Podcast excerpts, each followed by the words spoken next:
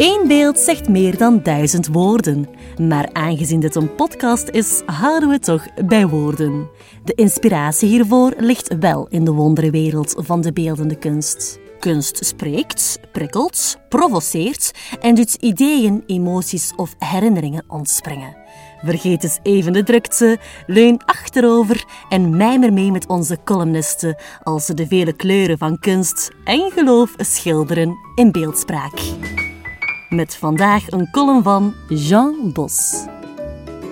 Madame Tussaud is in Londen haast onvermijdelijk voor de bezoekende toerist.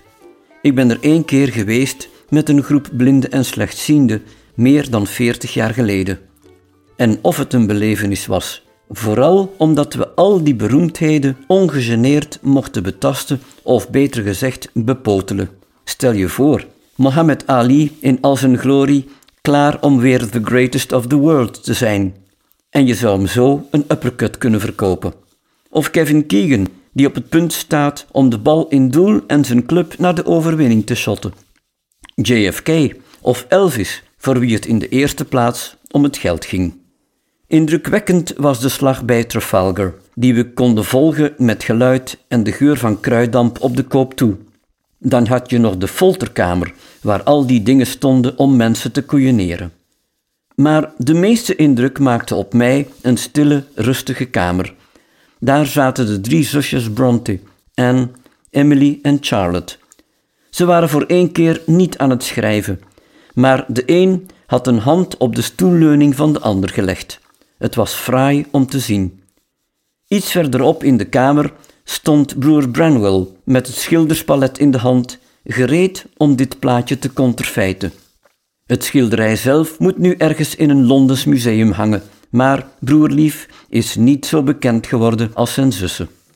Soms zou ik willen dat er ook zo'n kamer bij Madame Tussaud was, waar de twaalf apostelen met Jezus, zoals toen gebruikelijk, aanlagen voor het laatste avondmaal.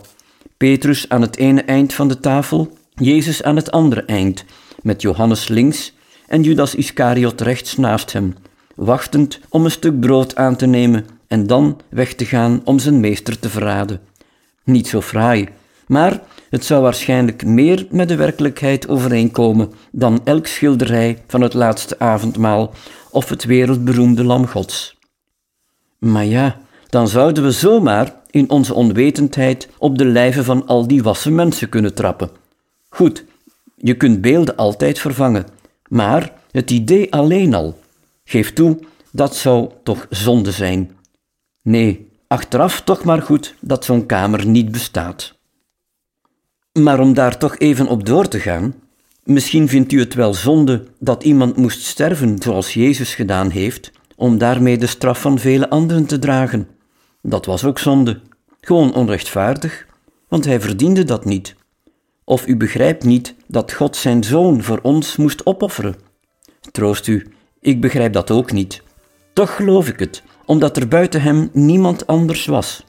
Zo lees ik tenminste in de Bijbel, het meest verkochte, maar wellicht minst gelezen boek ter wereld. Wat? U vindt het zonde van zo'n simpel geloof? Kan zijn. Maar wat als u nu niet gelooft en achteraf ongelijk blijkt te hebben? Dat zou pas echt zonde zijn.